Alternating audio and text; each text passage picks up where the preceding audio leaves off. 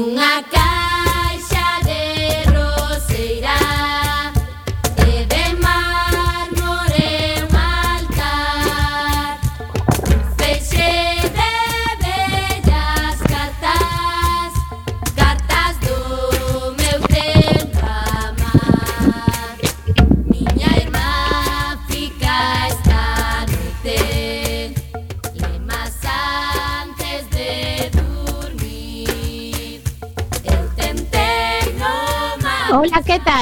recendeiras e eh, recendeiros, benvidas e benvidos a este espacio radiofónico semanal dedicado a cultura que facemos en riguroso directo todos os martes a 7 da tarde aquí na CUAC FM no 103.4 a Radio Comunitaria da Coruña.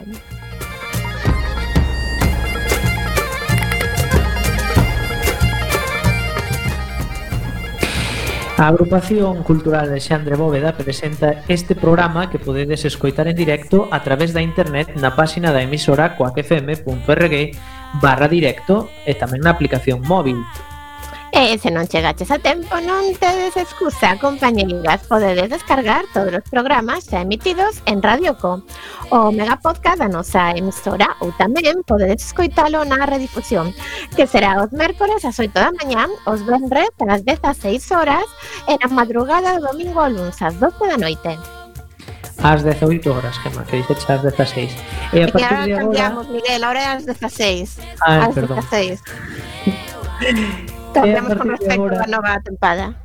E eh, a partir de agora seguimos nas redes sociais tanto deste programa recendo como da propia agrupación cultural Alexandre Bóveda que teñen abertas as súas canles en Instagram, Twitter, Facebook ou na web a alexandrebóveda.gal.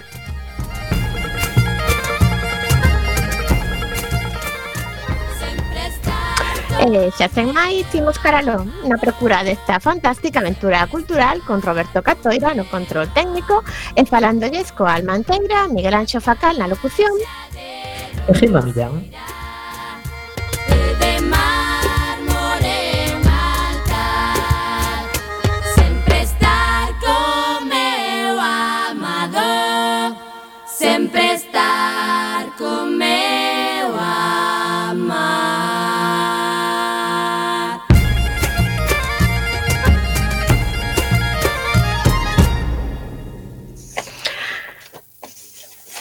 Comenzamos unha nova tempada de Recendo. Este é o programa número 351, co que comenzamos a, noa a nosa dodécima tempada. Este ano emitiramos a través da plataforma Jitsi, sen subir a emisora, para adaptarnos a esta extraña situación que estamos vivindo pola pandemia. Hoxe estarán connosco tres das componentes do grupo musical A Banda da Loba, Inés Mirás, as guitarras, Andrea Porto ao baixo e Estela Rodríguez ao violín. E hoxe non teremos ningunha das nosas habituais seccións para poder escoitar máis cancións das nosas convidadas, salvo a nosa sección de poesía galega. E falaremos, como sempre, das actividades da nosa agrupación e das outras cousas que se fan na Coruña e na Galiza e que tamén son cultura. E a música de hoxe, obviamente, escoitaremos cancións do noso grupo convidado, concretamente do seu segundo disco, Fábrica de Luz, cuxa xira de presentación viuse algo afectada pola pandemia, obviamente. Presentamos a primeira peza de hoxe titulada Fábrica de Luz, que dá nome ao disco. Que disfrutedes.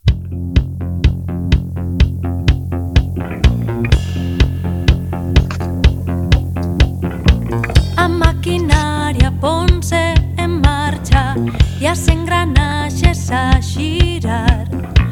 Cinco motores moven as pezas e o noso xeito de crer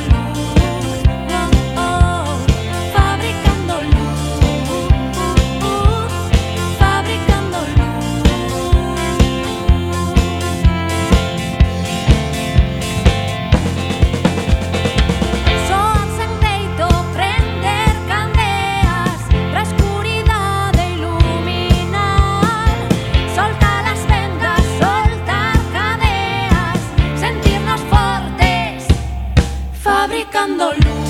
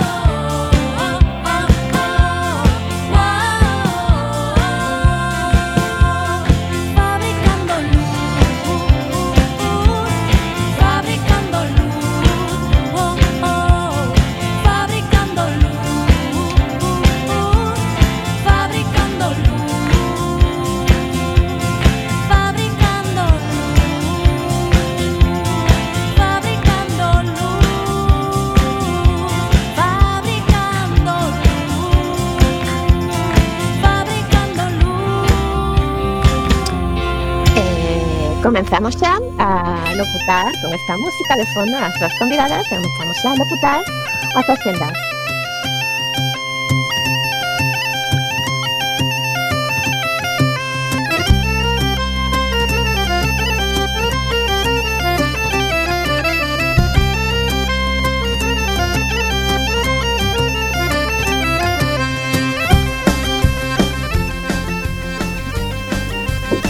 Dicíamos que comenzamos xa a locutar as nosas axendas culturais para esta primeira semana de outubro.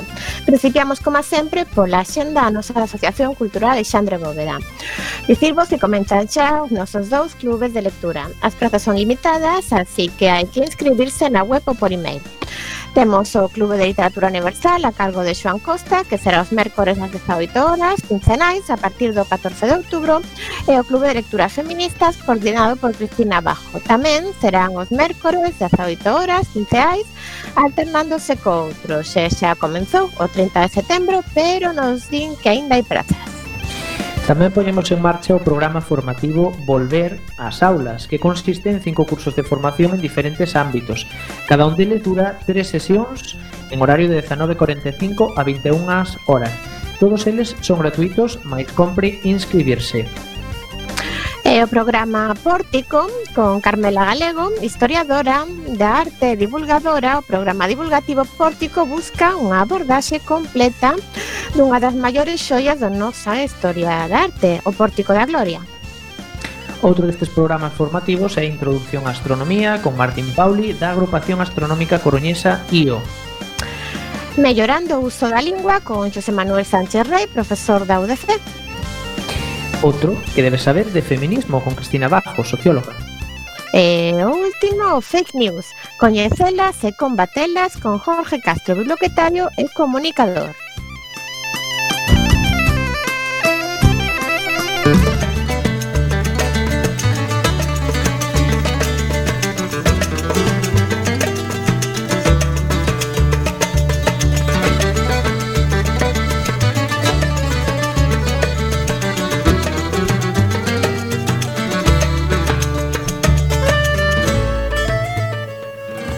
E pasamos agora a falar xa das axendas culturais coruñesas Comezando por audiovisual, no CEGAI comezou un ciclo sobre a mítica actriz Ida Lupino Pero aquí se salienta a súa carreira como directora.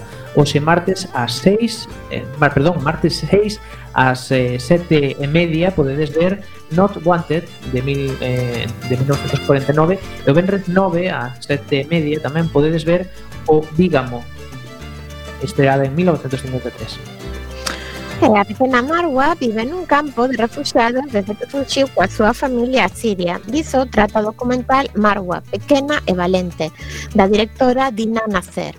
Será hoxe martes 6 ás 20 horas no Centro Ágora.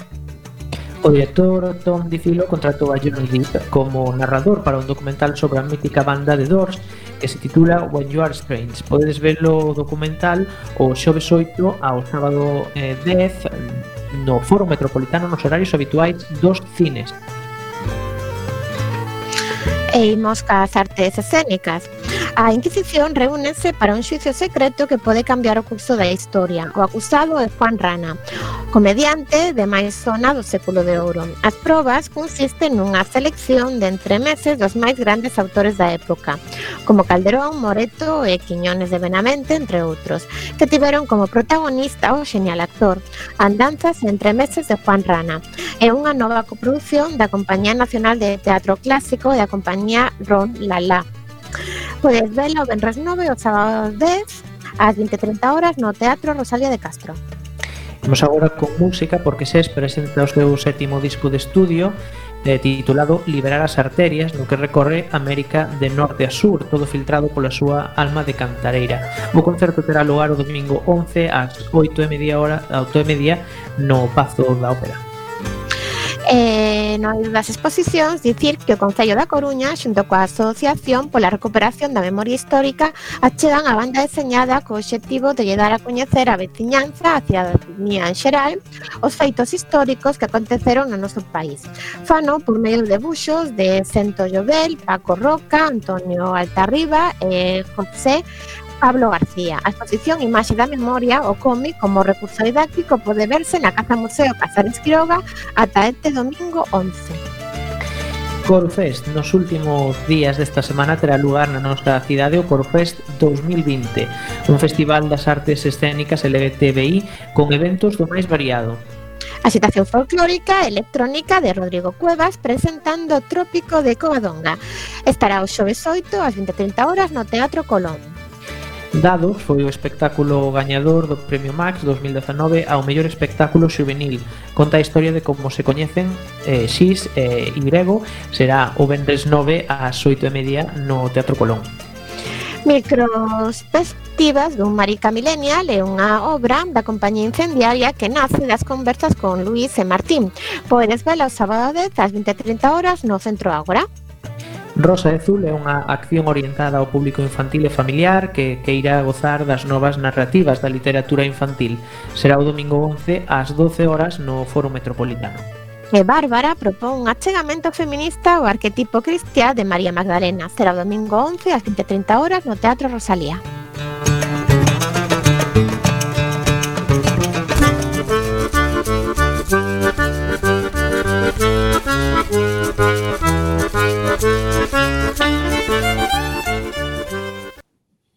E repasamos agora a xenda da Galiza Comezando por Ferrol, catro aborixes dun planeta que podría ser o noso reclaman o escenario, dispostos a conquistar ao público a gargalladas ou a machadazos se é preciso. De Primitals é a surrealista historia dunha tribo coas súas loitas intestinas, os seus soños de grandeza, os seus desequilibrios mentais e os seus abusos chamánicos. Unha descarga de humor e calidade musical da man da moi fiable compañía Illana. Será o sábado 10 ás 8 e media no Teatro Coffee.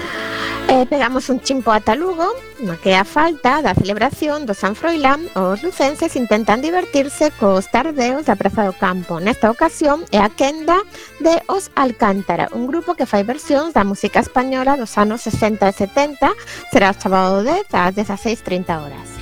Falamos agora de Pontevedra, en concreto da exposición O Universo Xaime Quesada, que se poderá ver no sexto edificio do Museo de Pontevedra ata comezos de 2021. Amosará unha selección de 59 obras que comprende cinco décadas da actividade creadora do artista Xaime Quesada Porto, que morreu no 2007 pertencentes a diversas coleccións privadas en nove institución e nove en institucións públicas. En Ourense, a compañía galega Talía Teatro segue coa xira de presentación da súa obra infantil Lambetada. Nesta ocasión estarán o domingo 11 ás 12 horas no Teatro Principal. En Vigo, o sexteto de blues Sabela King and the Heartbreakers fará menear o esqueleto dos vigueses este sábado 10 ás 10 e media na sala Apecera. En Santiago xa está en marcha unha nova edición de curto circuito dirixida de novo por Pela del Ámalo e rematará o domingo 11. Habrá eventos principais en recintos como o Teatro Principal, o Centro Galego de Arte Contemporánea e a Sala Capitol, pero tamén habrá eventos telemáticos en plataformas como Skype ou Filmin. E rematamos este viaxe polo país en Redondela. Nestes tempos con algo menos de vida cultural, un magnífico grupo de títeres tanxarina escenifica un dos seus espectáculos máis exitosos, Trogloditas. Será o Benres 9 a 6 e media no Auditorio da Xonqueira. Xogan a casa, así que partido está gañado.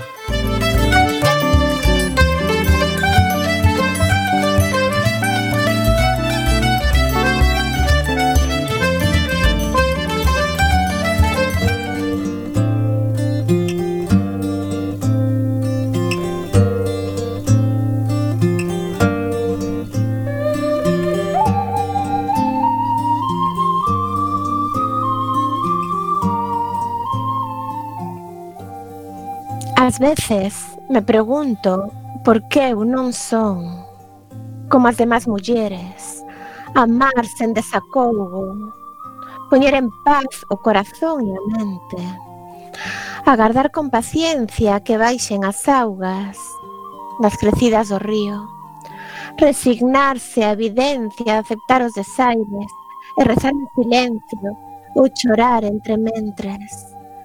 As vaguas máis enriba da almofada, sempre ocultando a ira, sempre con mansedume, cun sorriso nos labios, non. Eu non son daquelas que cantan as flores e as pombas, xa o sei. A min matame a sede. A min faltame o aire.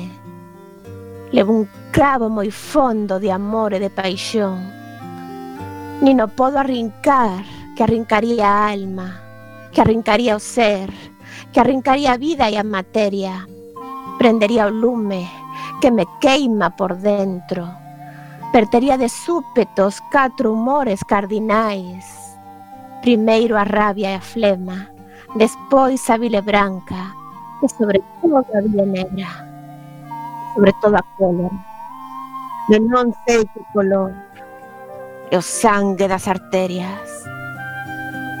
Que eu non son daquelas que cantan as flores e as pombas, das que se resignan ante o desamor, e rezan e consumen bagua sobre da almofada. Non, eu son Medea.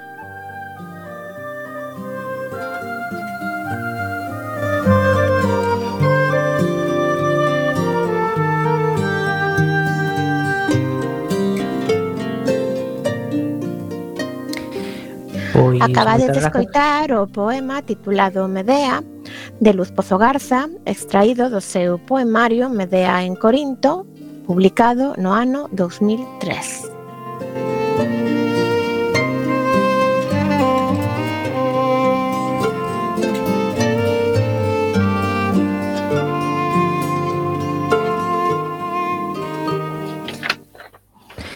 Agora sí, moitas gracias, Gema. Hoxe estamos de Noraboa por dous motivos. O primeiro porque inauguramos unha nova tempada de recendo, o que supón o noso regreso ás ondas dende marzo. Eh, o segundo motivo é que comezamos a tempada cunhas convidadas as que xa lle tiñamos ganas dende hai tempo. Elas non son outras que a Banda da Loba, o conxunto que foi a revelación da música galega no 2017. Eh, hai tres anos a Banda da Loba editaba o seu disco autoproducido Bailando as Rúas, As súas cancións descubríannos unha banda ecléctica capaz de viaxar dende o folk ao pop pasando polo blues, unhas composicións que destacan por unha instrumentación moi coidada sen esquecer as letras, nas que xunto composicións propias atopamos poemas de Rosalía, de Celso Emilio, Manuel María, xunto con voces eh, máis recentes como as das eh, poetas Rosalía Fernández de Rial e Celia Parra. Se o disco xa nos deixou abraiadas cando descubrimos o seu directo cheo dunha forza imparable, definitivamente quedamos pampas. Esta forza das actuacións quizáis sexa a principal característica do seu disco do ano pasado, chamado Fábrica de Luz. A banda da Loba, neste traballo, busca reivindicar a capacidade creativa das mulleres, así como a capacidade creadora da lingua como a fonte de cultura. En Fábrica de Luz seguimos atopando o eclecticismo de Bailando as Rúas, nesta canción, nesta ocasión ritmos como tango, o reggae, o ska e mesmo rock duro. Fábrica de Luz é a confirmación de que a banda da Loba forma parte do estupendo momento que vive a música en galego. Un momento no que a tradición galega dialoga coa vanguarda musical. Así que ahora sí, sen máis, imos a dar paso ás nosas convidadas de hoxe. Así que, Inés Guitarrista, moi boa tarde. Hola, Inés. A ver, que non me atopaba o micro, boas. Ahora sí, boa tarde, para que, para que os ouvintes eh, identifiquen a túa voz. Andrea Baixista, moi boa tarde. Hola, que tal, como estades? Moi ben. Estela Violinista, moi boa tarde. Hola, moi boas, que tal?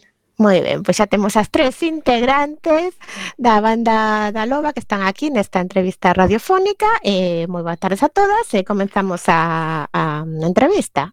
En primer lugar, moitísimas grazas por, bueno, por aceptar estas entrevistas radiofónicas de Quack FM na, na era da, da COVID. Entonces sempre nos gusta un pouco extraño todo isto, pero ímolo facer moi ben, veña. Sempre nos gusta comenzar polo principio. Eh, como se forma a banda da loba? A ver, quen quere eh, iniciar? A Veña, Andrea. Cada vez non, eh, por favor. Andrea, parece ser. Bueno, esto igual sí Andrea, si que Andrea que, leva máis tempo. Sí, resulta vale, que... o sea, Andrea veterana. claro. Bueno, das que estamos aquí, eh. Resulta que sí. sí que había como un proxecto anterior no que estábamos algunhas de nós, Eh, pois iso, aínda que aquelo pois non iba a acabar, o sea, non acabou saindo adiante, sí que tiñamos algunhas cancións que nos gustaban e que, bueno, e estaba, sobre todo estábamos moi cómodas algunhas, pois tocando xuntas.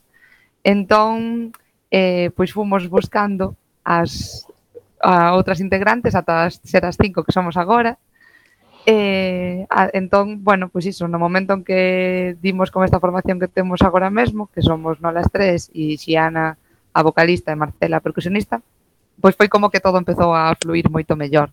Entón, a partir de aí, pois xa somos a banda da loba. Eh, e, e comenzamos a traballar pois, no que fixemos no primeiro disco, que foi Bailando as Rúas. Uh. E como foron esos primeiros ensaios? A ver. Pois foron unha maravilla. Eu falo dende a miña, dende a miña perspectiva, que desde o primeiro ensaio a verdade que foi unha pasada tratar con elas, porque me acolleron super ben, sentime comodísima, e a verdade que foi fluir e fluir, e aportar cada un ao seu, e foi unha pasada. Foi super cando, rápido. cando, chega, cando chegaches á banda? Pois eu cheguei de última, de feito, que me avisou Andrea, eh, escríbeme dime, mira, temos isto aquí, queres vir a probar? Eu dixen, veña, vou. E dende aquela quedei. Sería 2016, aí a finais máis ou menos. E, e así, dende esas, non, non saín, non quixen sair. Pero estiveres antes noutras formacións musicais ou é a primeira banda para todas? Como é isto? Eh, eh, bueno, eu, eu estivera de tocar eh, en orquestras sinfónicas, eh, algún grupiño tamén por aí, pero xuntas as cinco, pois a primeira vez. Uh -huh. Uh -huh. Pois imos falar agora un poquinho de Fábrica de Luz, se vos parece. Cales credes que son as principais novidades respecto a Bailando as Rúas? Pois a ver, mm. hai unha primeira eh, diferencia fundamental que é que incorporamos a guitarra eléctrica, que aí o mellor Inés pode explicarnos mellor o que fai, porque o certo é que o son cambiou un pouco de ser así algo máis orgánico, que todo o mundo decía que lle recordaba así un pouco máis o folk, hmm. porque estando violín e a guitarra española, pois a sonoridade así, pois eso, máis orgánica.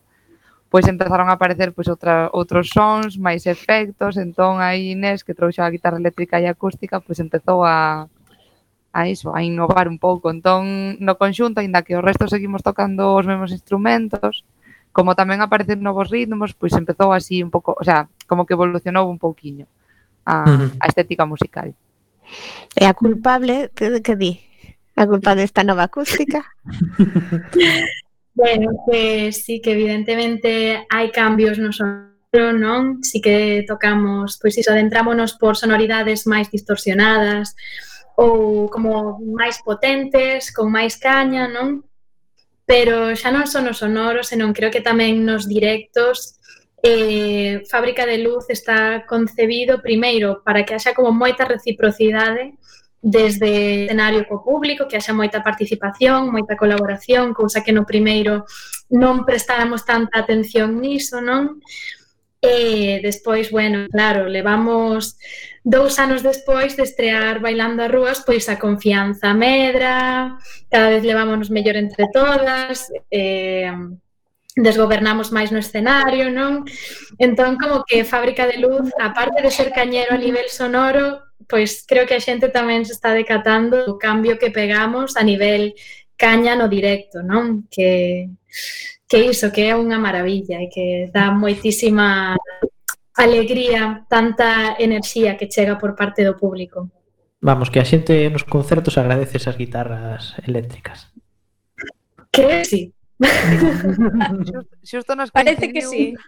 Xusto nos coincidiu o cambio este con eh, de súpeto ter que dar os concertos con todo o mundo sentado, co cal bueno, como que se viu un pouco eclipsado este, esta evolución, pero bueno, ainda así eu creo que, que o que dines, que é moi tangible.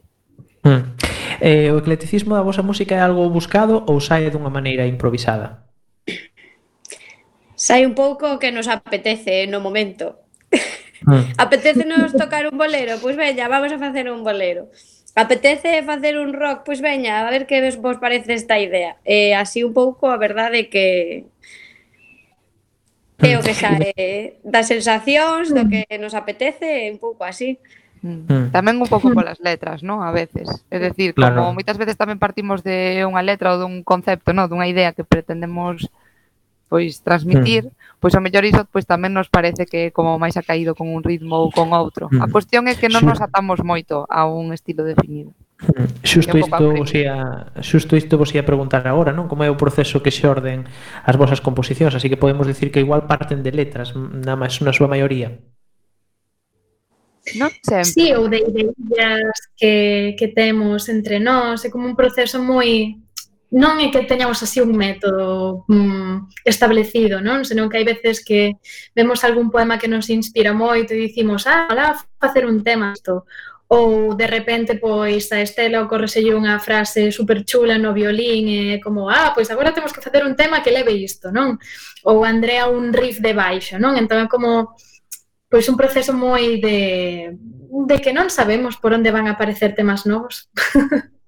pero, pero compoñer está de xuntas tamén ou como é un pouco o proceso das composicións? Sí, moitas veces sí, aínda que o que dine es que moitas veces eh, chegamos aos ensaios con algunha idea que traemos cada unha da, da súa casa.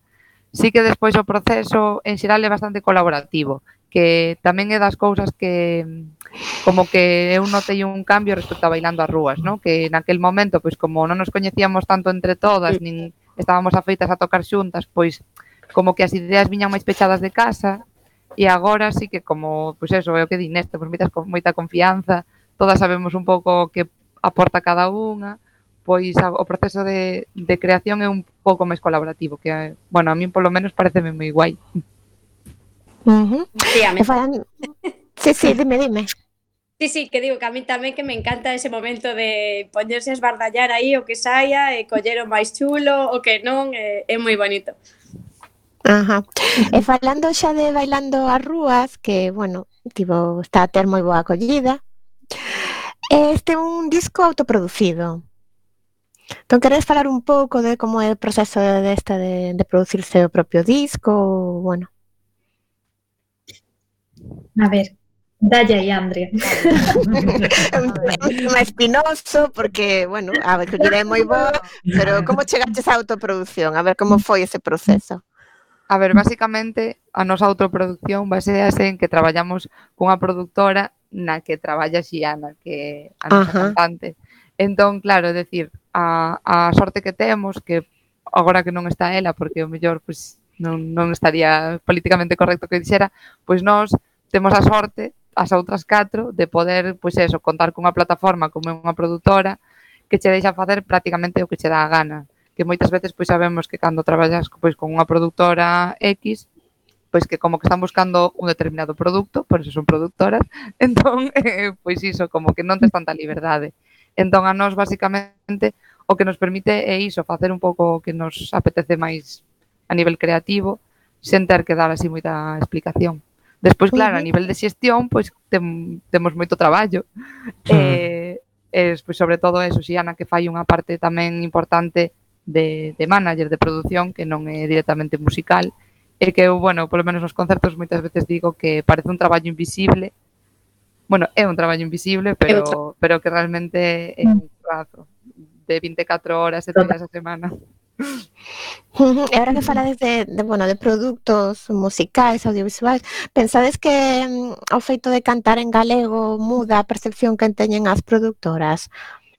Ou como vos que tedes esa experiencia que nos podedes decir desto? De a ver, eh eu non sei, eu, eu, eu nós sempre defendemos que se si non cantásemos en galego, pois non seríamos a banda da loba. Entón, como tampouco nos plantexamos eh, en ningún momento facelo noutro idioma, pois non sei, eh, non sei como sería a recepción por parte da, do público, das, das produtoras nese, nese caso. Nós a nivel de público, o certo que creemos que aquí eh, en Galicia, pois que a xente realmente demanda unha música feita en galego. Bueno, mm. e a, e a acollida da, bueno, da vosa, da vosa banda así o, así o está a demostrar, ¿no? Mm. Iso parece. bueno, vos sodes moi, moi modestiñas, pero nos podemos dicir alto e claro que, que sí. Pois, falando da banda, da música, podemos aproveitar para escoitar outra peza. Mm, claro que sí. E ademais, aí o noso técnico Roberto nos está insistindo en que poñamos a música. Así que imos a escoitar eh, imos a escoitar... Anagnorise, eh, banda da Loba. Iso, aí está.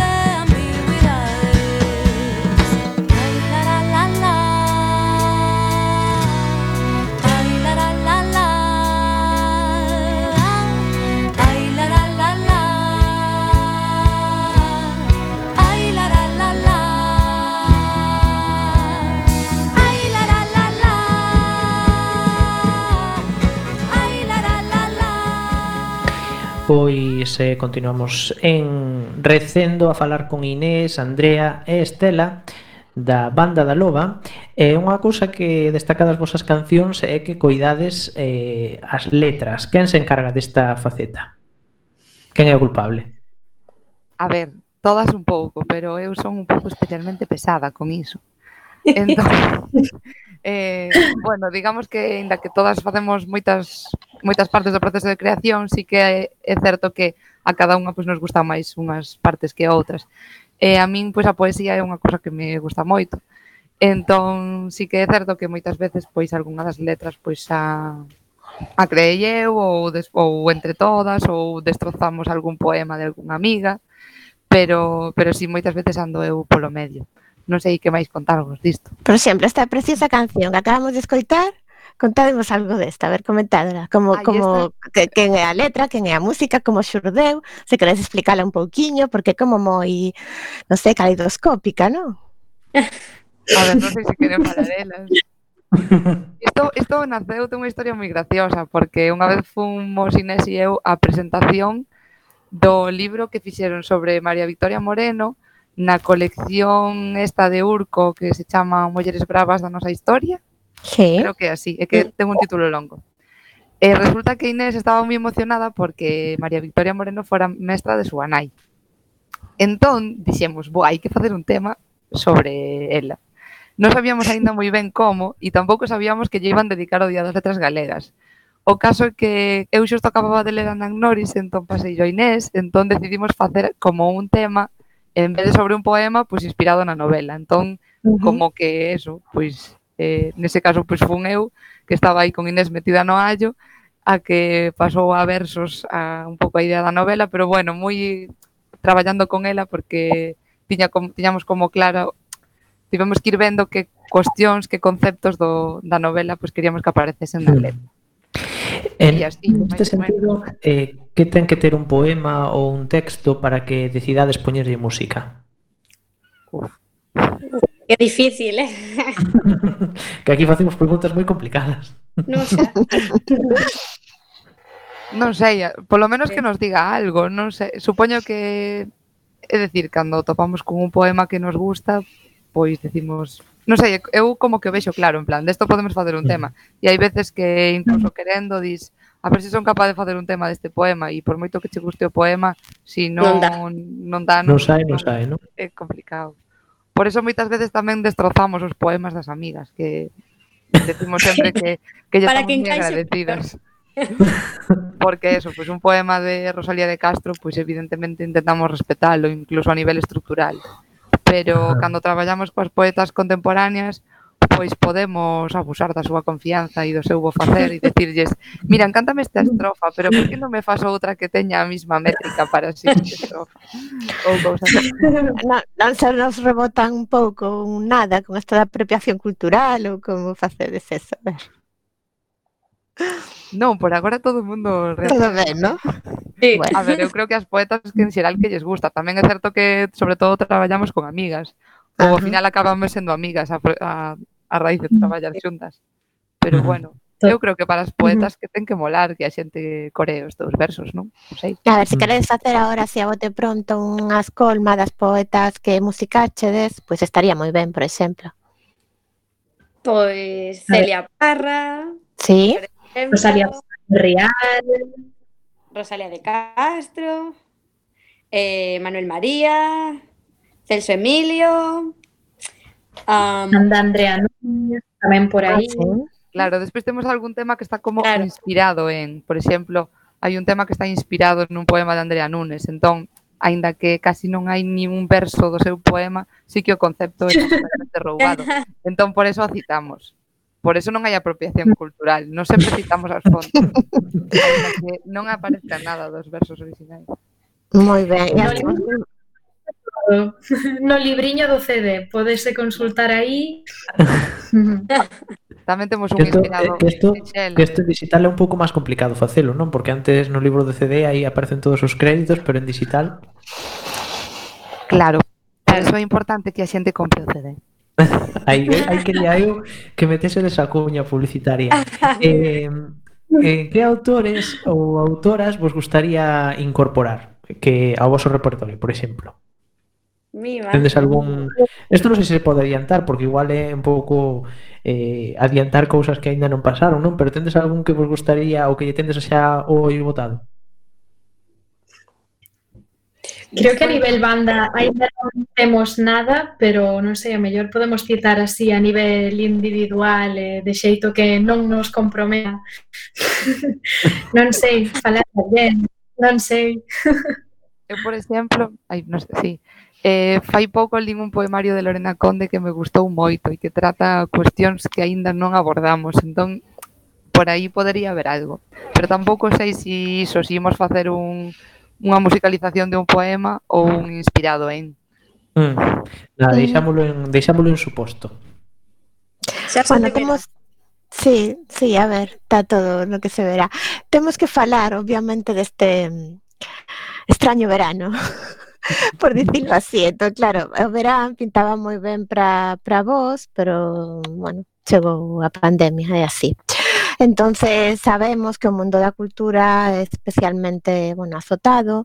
Eh, queremos saber pues, como levades vos como músicas isto que se chama nova normalidade, como, como están saindo mm, os concertos, se pensades que o público é temeroso de acudir, bueno, como, como levades? Bueno, eu creo que é unha situación así un pouco extraña, pero eh, unha, unha magua que se suspendera, bueno, se adiaran un montón de concertos que tiñamos, a verdade, pero bueno, tivemos outros nos que a acollida foi bastante boa dentro do que é agora estar sentadas, ca máscara e, e toda esta historia. Que bueno, rompe un pouco a máxia de, de iso de, de compartir, de, de ver os xestos, de bailar e todo iso, pero bueno, non nos podemos queixar. Hai algunha, bueno, houbo así cousiñas, e, eh, eh, bueno, hai algunha cousiña máis por aí, eh, así. Sí, o certo é que eu creo que se demostrou que a cultura é segura, que nos en xeral a nosa experiencia todo o verán foi que realmente as organizacións eh, dos concertos eh, pois eso, velaban pola seguridade de todo o mundo e o certo é que había, había sitios nos que incluso era como super, super riguroso que hasta nos mm. extrañaba, sabes? Que chega un momento que dis, bueno, nos, non nos estaremos pasando de rosca, pero non. A cuestión é que iso, eu ¿eh? quería animar a todo o mundo a ir aos concertos, a seguir apoiando a cultura porque porque bueno, creo que a necesitamos e de feito eso, eu a percepción que tiña así a nivel persoal é de mm. que a xente necesita ir a un concerto, ir a ver mm. unha peli, sí. porque senón toleamos. Por exemplo, os vosos seguintes bol, bolos, cando son? Porque igual despois chegamos ao remate e non nos dá tempo de dicilo, é moi importante. Cando tedes os próximos bolos e onde? Pois os próximos en Lugo, o domingo 11 e o luns 12. Moi ben. Sí, e como está organizado, hai con invitación, como é o tema? Pois está esgotada, pois, están sí, esgotadas as entradas. sí, sí, de feito. Este é un Ui, hmm. di, di, Andre, que mellor que se decimos lo mismo e todo. no, dicía que, que sí, que, que os próximos bolos eran en Lugo polas festas do San Froilán, pero que creo que non podemos pasar por aquí sen pedirlle pois a xente que nos vai a ver leo a entrada que teñan un pouco de corresponsabilidade porque malia que nos esteamos pois iso dicindo que as entradas están esgotadas pois xa nos pasado e teñe pasado a compañeiras do sector que, pois iso, a xente entra na dinámica de coller entradas e despois ver se ao final mm. non. E isto que provoca é que xente que está debecendo por un concerto que por fin pode ir, non? Sexa de quen sexa, pois queda directamente mm, nin se achega cando hai algunhas veces que incluso che dan oportunidade de se non están todas as cadeiras cheas pois que acabas collendo unha, non? Pero iso, claro, non se pode facer sempre porque o que procuran é evitar aglomeracións. Entón, iso, comentario de apelar un pouco a, a responsabilidade individual e colectiva e, e iso. De feito, creo que vai ser así, eh? que si en 15 minutos non faz uso da túa entrada, que deixan pasar alguén que este ali e que realmente quere ver o concerto. Claro. Bueno, é interesante uh -huh. tamén, claro, hai que buscar maneiras para organizarse nesto. Todos estamos aprendendo co, coa experiencia, entón isto que nos contades vos pues, parece algo sí, interesante de facer. Mm. Así que aplausos á organización neste momento, ¿no? Sí. Hmm. sí. Por exemplo, aquí nas festas cando foi o apóstolo en Compostela, sí. pasou moito que claro. eso, concertos, moita xente se quedou sin entradas e despois estaban medio baleiros, entón é unha pena, sabes? Se si realmente te vas a quedar na praia, pois pues non lle quites dir algo, que o que decía Inés. Pensamos que mm. igual é o momento para que se o noso técnico está preparado de introducir a seguinte canción da banda da Loba, que neste caso chamase eh, Distancia Imantada.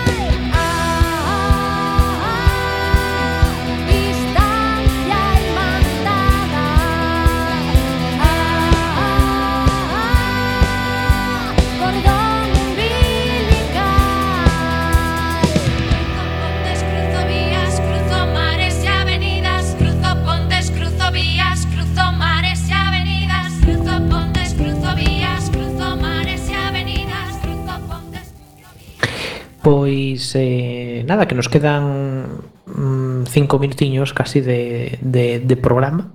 Vamos a aproveitarlos ao máximo. Eh, levache desa vosa música fora de Galicia? Pois sí, justamente creo que nos dous sitios nos que estivemos foron Asturias e Barcelona, pode ser. Esquéceseme algún máis, así. No. Por agora es esto. que están todos asociados a CD, tiñamos ganas de sair este ano, pero nada. Mm. Eh, nesas, nesas dúas ocasións, que tal foi a reacción do público? A ver. a ver, eu creo que en xeral moi ben. Pensei que iba a contar Inés, porque que en, cando estivemos en Barcelona, Inés xusto estaba vivindo en Barcelona. Claro. Eh, A ver, pensei que se iba a fazer responsable desta pregunta porque foi moi guai, de feito, casi todo o mundo trouxo ela, como vos podedes imaginar, e ademais mm. presentou todo o concerto en catalán, así que nada, a xente estaba ah, flipando guai. en colores. Mm. eh, bueno, teño aquí apuntado tamén que fostes ao luar, como foi eh, isto de actuar na, na Catedral da Música Galega? Ben, a mí sempre me en o lugar, non sei por qué. Porque como ese prexuizo. Ademais, todo o mundo te ve, a pesar de que ninguén vexe o lugar. Sempre todo o mundo facendo zapping te ve, un, te mm. ve o día que vas ao lugar. Entón, bueno, o lugar é apoteósico, por suposto. Sí, sí. Eh, eu creo que está constatado que é unha plataforma de visibilidade. Absolutamente. eh, a ver, eh, eh, chegar ao lugar é triunfar. Pois xa fomos dúas veces, eh? Pois xa está. Pois iso, iso é porque hai calidade. ¿eh? Hai calidade, ¿eh? sí, sí. Eh, Gema, continuamos entón. Sí, bueno, temos aquí moitas preguntas, pero a ver, que pensa, que eh, escoitades vos no voso tempo libre, que vos vos te escoitar algún estilo así que vos que vos gusta, como que pensades? A ver. A ver, por favor, Inés ti que eres a dos, a dos remixes. Podo, podo contar unha historia? Eh, sí. Temos dos minutos. A veces Xiana nos concertos conta que de vez en cando Inés nos fai un CD que se chama Materialización Inspirativa, que hai de todo, dende Mercedes Peón ata reggaetón feminista, pasando por calquera cousa que se poda ocurrir como unha, unha canción de Coldplay para ver la onda de los coros. Entón, esa é Inés. Así que eu creo que esa, esa pregunta pode contestarla ela. Diversidade de estilos, sempre, sempre. A ver, para rematar, non sei se hai algo que vos queda. Aí, pois eu, cando me entrevisten en Quack FM, quero falar de ahora é o momento. Porque se non decides agora, queda sin decir. Podes falar do vosso futuro máis inmediato, de como vos vedes, de como, a ver. Contádenos. Non sei, en xeral darvos as grazas por, por convidarnos ao programa. E despois, pois, convidar a xente, non só a vir os nosos concertos, senón o que decíamos antes, convidala a que siga sendo partícipe da, da cultura, pois en concreto da música, que é o que máis nos toca a nós, que se sea un pouco consciente de que é algo pois eso, necesario para vivir, que hai moitas familias detrás de todo isto, e que, e que iso, pois que necesitamos eh, apoio. Non, sobre todo a nivel de infraestructuras, pero bueno e mm. que, que se animen a ir aos concertos, que é algo seguro e que esperemos que polo menos non nos quiten o, o dereito a bailar. Mm. Ainda que se xa na cadeira. Bueno, pois Inés, Andrea, Estela, pois moitísimas gracias por participar nesta entrevista por Quack, en Quack FM, salimos na, na FM, como resultou a experiencia? Moitas gracias a vos, Jo. Moitas gracias. Mm, no, gracias a vos porque estades inaugurando a temporada de Recendo, así que sería... aí non, aí non é nada. Nos desexamos unha longuísima trayectoria. Eh, porque tanto Miguel como a, como a Roberto, como o noso encargado do guión e a produción Javi Pereira, que mandamos un, un abrazo, somos moi fan da banda de Loba. Pois pues moitas grazas. Moitas parabéns, Parabéns tamén a vos, porque vos un traballo moi importante. Sí, super esforzo. Mm. Pois ata aquí chegamos. Moitas gracias e sen tempo para máis odiseas imos chegando a fin do camiño deste recendo. Despedimos o programa de hoxe agradecendo as nosas convidadas que, como sempre, foron de honra. Hoxe tivemos o placer de falar con Inés Andrea Estela da Banda da Loba. Eh, e agradecemento a Semente a Pedra Curar de Todo, quen estamos? Pois o noso comando e equipo de produción formado por Javier Pereira, Gemma Millán e Roberto Catoira e aquí estivemos Roberto Catoira nos controis técnicos e coalento no micrófono Gemma Millán e Miguel Anxo Facal.